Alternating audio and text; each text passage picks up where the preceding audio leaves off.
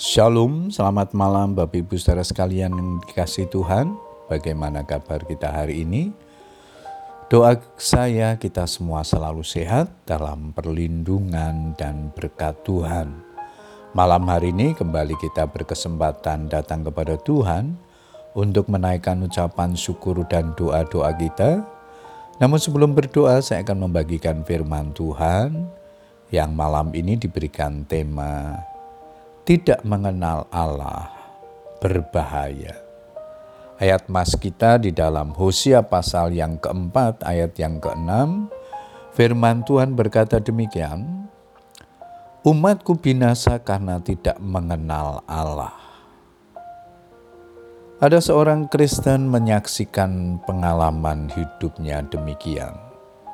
Belasan tahun mengidap asma dan sinusitis, membuat saya lebih banyak bernapas dengan mulut daripada dengan hidung. Saya mengira itu wajar sampai saya membaca sebuah buku tentang pengobatan asma yang menyatakan bahwa bernapas dengan mulut tidak baik bagi penderita asma.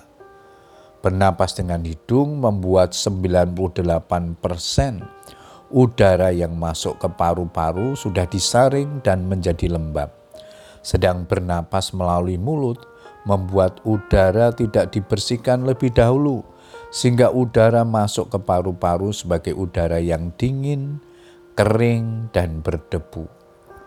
Ketidaktahuan saya ternyata membahayakan kesehatan saya. Ketidaktahuan, kurangnya pengenalan bisa berbahaya. Demikian pula yang terjadi pada masa Nabi Hosea. Bangsa Israel menyimpang dari jalan Tuhan.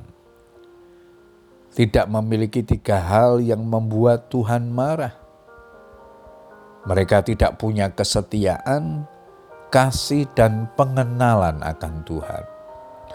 Bahkan para imam tidak mau mengenal Allah, menolak pengenalan akan Allah, dan melupakan firman Allah. Dan itulah yang membuat Tuhan murka dan Israel binasa. Sangat salah jika kita berpikir saya tidak mau banyak belajar. Nanti jika saya sudah tahu tetapi tidak melakukannya, saya dihukum Tuhan. Jangan berpikir bahwa jika kita tak tahu, maka kita luput dari hukuman.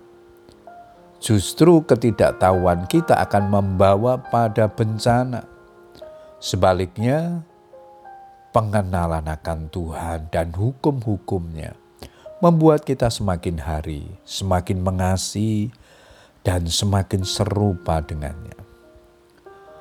Oleh karena itu, terus kenali Allah lewat membaca Alkitab, membaca literatur rohani, mendengarkan khotbah, dan berbagai sumber rohani lainnya.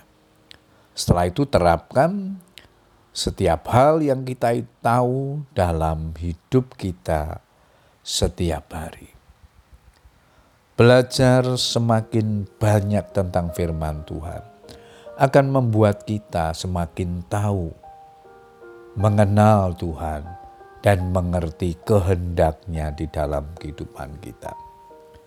Puji Tuhan Bapak Ibu Saudara sekalian, biarlah kebenaran firman Tuhan ini menolong kita untuk terus mengenal Tuhan lebih hari lebih dalam. Untuk terus membangun keintiman dengan Tuhan. Di situlah kita mengerti apa yang menjadi kerinduan Allah untuk kita kerjakan dalam hidup ini. Dan kita makin hidup serupa dengan Kristus dalam pikiran, perkataan, dan perbuatan kita. Selamat berdoa dengan keluarga kita. Tetap semangat.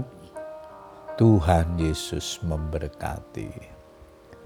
Amin.